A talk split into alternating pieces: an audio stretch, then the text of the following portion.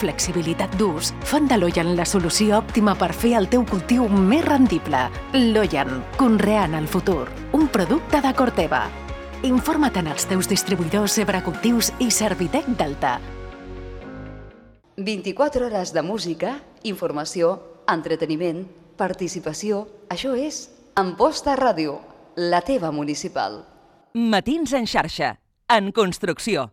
El programa que encara està per fer amb Jordi Galo.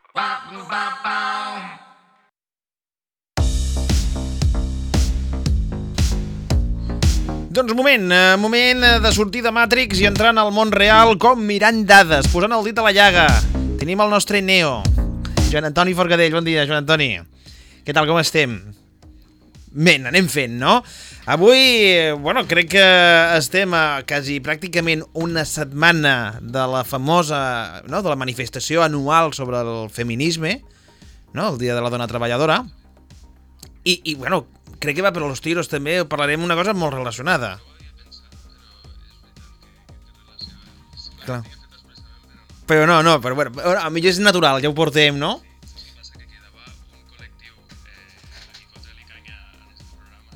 I falta i falta el col·lectiu, bueno, no, no, no és col·lectiu, perquè al final són uns quants que, que, que no, que, que, que, bueno, el que hem dit aquí, no? que agafen coses i les extrapolen a la barbàrie més absoluta no? I, a, i a la tonteria més gran, no? Explica'ns. Perquè la lingüística sempre ha estat un àmbit del coneixement que jo crec que s'ha permès més intromissió per part, per part de gent que no és especialitzada i que opina sobre la matèria. Mm. Bé, això no és una cosa estranya perquè passa com en tot, eh, perquè tothom avui és una autoritat per parlar de medicina, de dret, de biologia, d'economia, però en la llengua sembla que hi ha mm, sempre una especial fixació perquè sembla ser que qui domina els conceptes sembla que controla el poder, i també hi ha una especial permissivitat per parlar sense necessitat de ser especialista. Això ja d'entrada és un gran error perquè és desconèixer o desmereixer l'estatus científic de la matèria, és a dir, de la lingüística, per més que a molts ens sorprengue, que fa que precisament els judicis vàlids, com en tot, són els que estan fonamentats en raons històriques, evolutives, d'ús o d'extensió, raons, raons que són, eh, en última instància, estadístiques. És cert que la llengua és patrimoni exclusiu i únic dels seus parlants, que són els que decideixen la validesa cada dia i en el seu ús, diguem que quotidià, pues, quines són les formes lingüístiques que acaben imperant, i són també els únics autoritzats també a, a efectuar canvis que normalment solen ser espontanis. Per exemple, davant d'una oració completa, un parlant és plenament competent, eh, per tant, està plenament autoritzat per emetre judicis com per exemple, mi jugo a la pilota.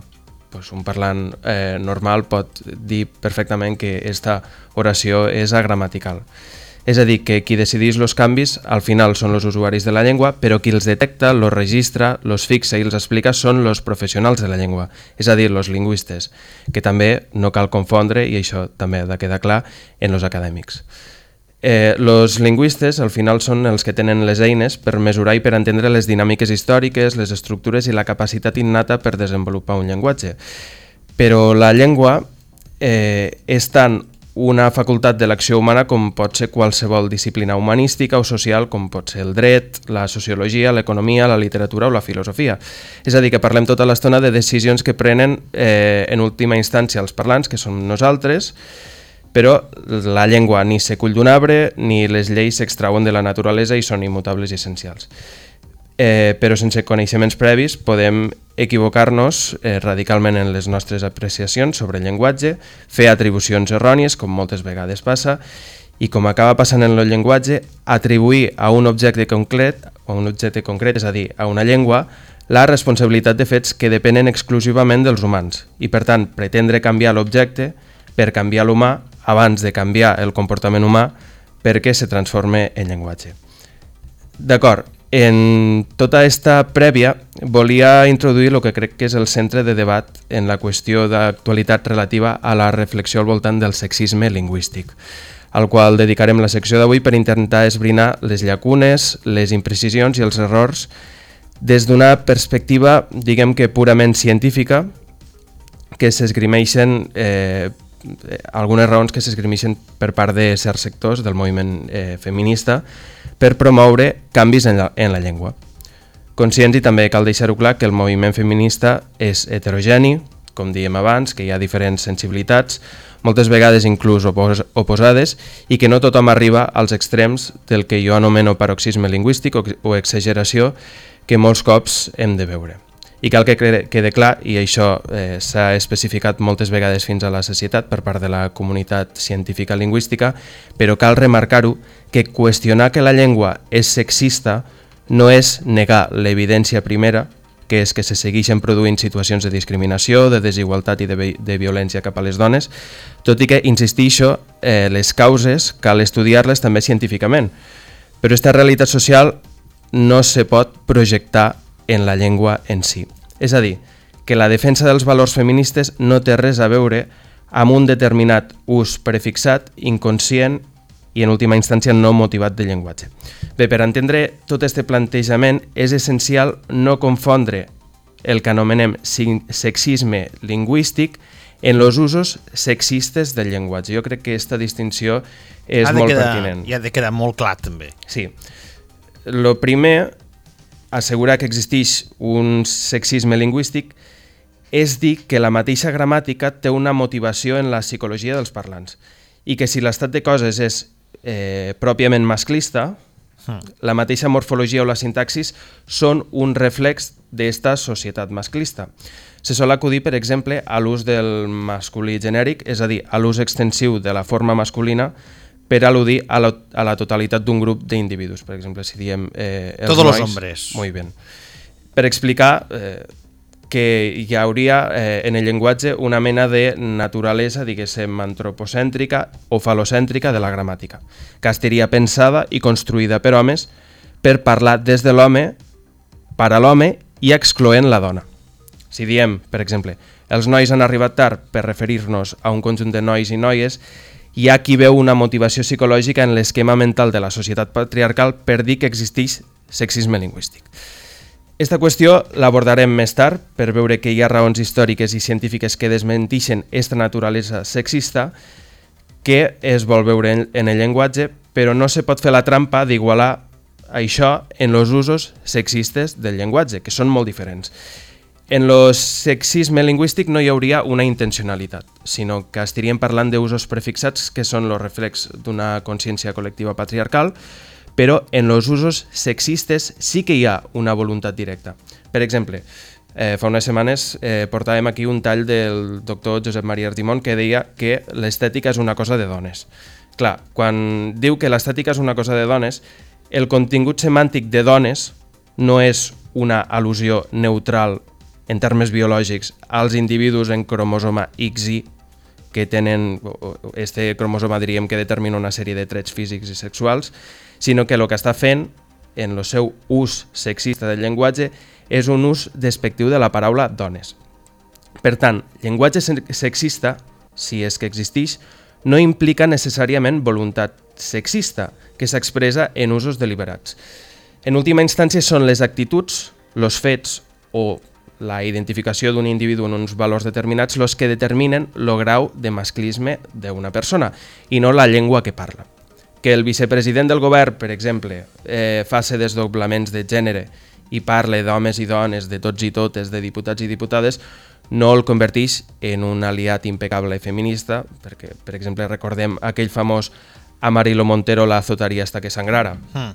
Eh, Clar, veiem el contrast. Veiem entre... el, el contrast de, de, de, de, de dir que el machisme és per culpa de la llengua, no? O sigui, com, Exactament. Com ningunejar potser la, la paraula machisme o feminisme i després vincular-ho tot només a, al, perdoneu per l'expressió, violar el, no? la, la, la llengua. Molt bé. Tornant sobre la qüestió principal, Ignacio Bosque, que és una de les majors autoritats lingüístiques de la història de la llengua espanyola, se feia eco en un informe sobre el llenguatge inclusiu que la majoria de guies al respecte, eh, és a dir, les guies que ens ajudarien a parlar de manera eh, més inclusiva i que ens ajudarien teòricament a redimir-nos del pecat original, no han comptat en la participació dels lingüistes, i això és molt important, que és tant com dic que no correspon als lingüistes, que serien una mena de tirans, dir quins són els usos adequats o no, sinó a la societat, als parlaments democràtics o inclús al dret. Això jo crec que en part ho explica tot. Cal eliminar, segons els promotors d'estos nous usos inclusius, els trets lingüístics que invisibilitzen les dones i l'exclouen de les interaccions socials. Però tornem a la qüestió ètica abans d'abordar la científica fixant-nos en el mateix concepte d'inclusió. Inclusió és l'antítesi o la reacció a exclusió. S'entén que històricament la dona ha quedat apartada del centre de, de poder que seria la llengua i que per tant el sentiment que ha de sorgir d'una dona davant del llenguatge que fa servir és reactiu, de no identificació i de rebuig. És a dir, quan no desdoblem, una dona s'ha de sentir directament atacada, menystinguda o invisibilitzada. I això de per si jo crec que no és un absolut ni molt menys. Pretendre eh, assegurar que el llenguatge és exclusiu és intentar regular els sentiments individuals de les dones cap a aquell llenguatge. Jo crec que és una mena de paternalisme eh, que és assenyalar què és exactament el que han de sentir i com han de sentir les dones o com s'han de sentir les dones cap al llenguatge. I això no necessàriament ha de ser així. Una dona pot perfectament sentir-se inclosa en l'ús del masculí genèric. I si això és així, podem dir realment que el llenguatge que fem servir habitualment és exclusiu? Bé, jo no ho tindria tan clar. Però bé, per explicar les raons que s'esgrimixen, jo crec que és millor que escoltem a la nostra ministra d'Igualtat, a la Irene Montero, que fa gala de, de la seva ignorància i d'un exercici de manipulació ontològic en seu parlamentària d'esta manera. Eh, creo que ya son demasiados siglos en los que el lenguaje se utiliza como instrumento para perpetuar el machismo en las sociedades. Lo que no se nombra suele no existir y es muy curioso que la mayoría de los lenguajes utilicen el masculino para referirse también a la otra mitad de la población que somos las mujeres. A veces puede sonar raro cuando desdoblamos el lenguaje y si hablamos de lo que la RAE termina reconociendo como palabras oficiales, pues bueno, la RAE sigue teniendo en, su, en sus entradas una acepción de, la palabra fácil que significa o que dice dicho de una mujer aquella que se presta a tener mm, relaciones sexuales con relativa facilidad. Creo que la RAE no es el mejor ejemplo de lucha por la igualdad, les insisto, sigue teniendo una entrada, si ustedes lo comprueban, en la que cuando miran, buscan la palabra fácil, el adjetivo fácil, una de las acepciones es dicho de una mujer, mujer que se presta fácilmente a tener relaciones sexuales. Creo que la RAE tiene mucho que aprender para y que hacer para defender la igualdad en nuestro país y creo que aunque a veces suene extraño y aunque incluso se digan palabras que no están oficialmente reconocidas por una institución, por cierto, formada mayoritariamente por hombres, que cuando queríamos incluir mujeres desde principios de siglo en este país decían la RAE no es lugar para mujeres porque los que entienden de letras son los hombres de nuestro país, pues creo que aunque suene extraño, es importante que las mujeres hagamos un esfuerzo por desdoblar el lenguaje o por utilizarlo de forma inclusiva.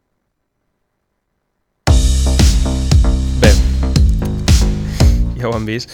Eh, anem per parts. Eh, la ministra creu efectivament que la RAE actual és la RAE del segle XIX i mos diu que el fet que la composen majoritàriament homes és prova indiscutible que és una institució masclista, però mos diu també, i és el més important, una cosa que se sol repetir molt i que és una trampa dialèctica en la qual molt, molts pretenen guanyar aquest tipus de debats, que és equiparar un diccionari en una llei que regula usos lingüístics. La ministra atribueix qualitats humanes al mateix diccionari, perquè ens fem una idea del que això significa per a, per a un lingüista, això és tant com dir que un llibre d'història que parla sobre el feixisme és feixista o que un tractat de medicina sobre les malalties cardiovasculars és partidari de l'obesitat. Els diccionaris no expressen una voluntat, són merament un registre al qual acudim per conèixer no només la definició dels objectes, sinó també per conèixer els usos diacrònics i sincrònics, és a dir, els usos actuals i passats de les paraules. És evident que, los de, que els diccionaris se van actualitzant, però ho fan conforme la societat avança i canvia. Ha de canviar primer la societat i els seus usos per a que el diccionari lo reflecteixi. Nosaltres, per exemple, no podem variar el producte interior brut d'un estat abans que se produeixen els fets que fan que les, que les nacions pues, siguin més riques o més pobres. Lo mateix passa en el diccionari. Si els parlants canvien, el diccionari canviarà, perquè el diccionari és un objecte descriptiu, és a dir, que és un simple registre, però no és una llei. Per més que elimine, per exemple, com dia la ministra, el diccionari, l'entrada de fàcil, a l'entrada, o, o l'entrada, per exemple, jueu, en, en sentit despectiu, això no farà que s'elimine ni el masclisme ni personatges com la neonazi de, de la setmana passada, que aquests personatges mateixos desapareguen. I si el diccionari el que fa és eliminar aquestes paraules, però els parlants ne fan un ús majoritari, llavors el diccionari deixarà de ser un objecte científic i passarà a ser un objecte ideològic i preceptiu. Això implica, per tant, que el, en llengua eh, els conceptes de correcció o incorrecció lingüística no serveixen per a res, perquè els parlants poden transformar usos incorrectes en usos correctes i acceptats. I el diccionari o l'acadèmia l'únic que fan és dir s'ha produït este canvi i, per tant, lo registrem. La llengua, per tant, eh, no és una institució com el dret, eh, és a dir, que ningú la dicta més que els parlants en el seu ús eh, que fan cada dia. És a dir, que no ens posem en una assemblea a discutir si els verbs eh, expressaran marques morfològiques eh, de temps, si els fonemes bilabials sonors han de desaparèixer o si els sintagmes preposicionals haurien d'existir o que són una aberració ètica. Això no tindria sentit. I tot aquest aspecte que acabo de comentar eh, crec que enllaça un altre aspecte que és fonamental per entendre el problema que plantegem i és la identificació que fem entre gènere com un constructe social eh, associat o dissociat del sexe biològic que no és el mateix que el gènere gramatical que trobem a les paraules. El gènere gramatical al final és una convenció i no necessàriament ha de correspondre en una associació en termes biològics dels objectes o dels conceptes en un gènere determinat. Això passaria, per exemple, en, en objectes, perquè ens podem preguntar en última instància per què assignem lo masculí a la paraula llibre i lo femení a la paraula taula. Mm, Podem dir que hi ha una malvada societat masclista que ha construït un idioma que exclou les dones de la lectura, jo crec que no tindria massa sentit. Té un llibre alguna qualitat inherentment masculina? Tampoc té sentit.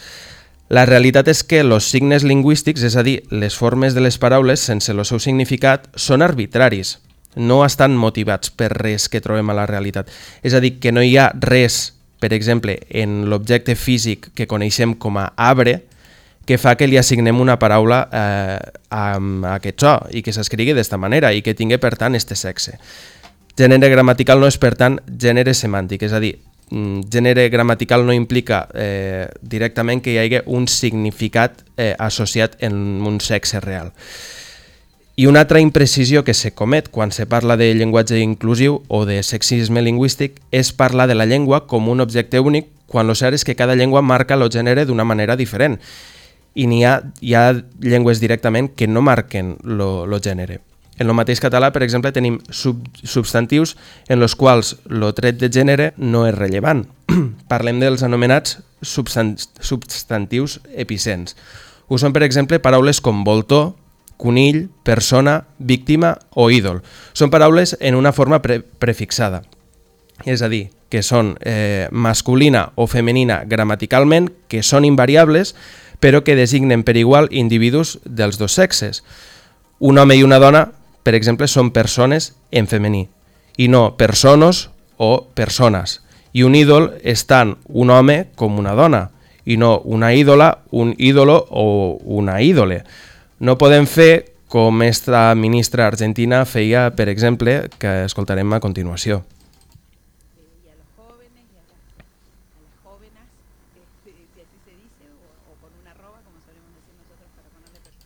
Este, y a los jóvenes y a las a las jóvenes, este, si así se dice, o, o con una arroba, como solemos decir nosotros para ponerle perspectiva de género.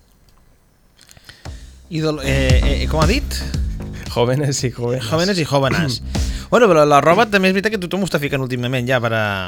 Claro, però jo, jo en la roba penso, la roba és una A encerclada en una O. Sí. Clar, o La sigui, O se menja la A. La O se menja la A, és a dir, la, el masculí està oprimint el femení. Clar, és depèn com... És Clar, que- si ens fiquem que- a la, no, al nivell d'aquesta gent, pues, podríem pensar aquestes i moltes més coses, Sí. No? Eliminem les arrobes, cremem contenidors. A més, tipogràficament desquadra molt eh, la, la, la caixa, perquè surt per dalt i surt sí, no, no, per baix. No, és desorden, desorden. Sí, sí. A més, eh, continuant sobre apreciacions lingüístiques sobre el gènere, hi ha paraules també que designen individus que només poden ser d'un sexe. Per exemple, un tenor no podrà mai ser una dona.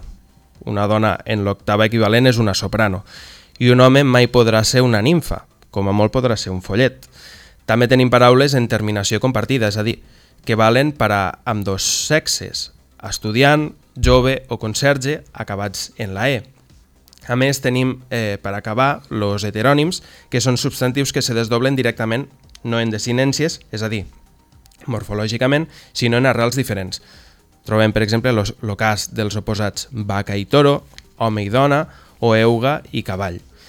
Hi ha paraules que tampoc poden variar morfològicament de gènere per la resistència que fa la pressió etimològica, és a dir, la, la seva evolució històrica. Això passa en lo masculí, que és impossible en els substantius que acaben en ista. Per exemple, jurista o novel·lista. No podem dir mm. juristo o novelisto. Hi ha també substantius asimètrics quan al gènere, com passa, per exemple, en la paraula membre, que no admet un desdoblament en femení, és a dir, no podem dir membre. No podem fer, eh, si no volem cometre un atemptat lingüístic, com feia Pedro Sánchez en el següent àudio, eh, bromejant. Ustedes, ayer, todos los miembros y miembros del grupo parlamentario... Sí, sí, permítanme ustedes, permítanme ustedes la broma. Tot això fa referència no, a que Irene Montero no, també va utilitzar això dels membres sí. i membres, no? Eh, bueno, ja saps les, sí, sí, sí. los piques que es porten al govern de coalició. Sí, sí. Bé, eh, lo, lo tema dels desdoblaments és, és problemàtic, eh, perquè, per exemple, en català eh, trobem també marques de gèneres en determinants, en adjectius, en participis i en pronoms, és a dir, no només en substantius, tot i que en aquests casos tenen un, un valor formal. Eh, Aleshores, si optem per desdoblaments, ho hem de fer en tot. Eh, vos poso una oració d'exemple perquè ho, ho entengueu millor. Podem dir, els nois i les noies són bonics i boniques i fer-los i fer-les feliços i felices és molt fàcil. Els i les hem fet i fetes un regal. Mm, I això ja és directament contranatural cap a les llengües, perquè quan estudiem la evolució diacrònica, és a dir, a través del temps, del llatí a l'actualitat, la constant que trobem sempre és que sempre tendim a economitzar el llenguatge, és a dir, a fer les coses més fàcils, a menjar-nos estructures, a menjar-nos fonemes. És gairebé impossible que els canvis lingüístics, si són espontanis o voluntaris, tendeixen a buscar fórmules que al final els fan més complicats.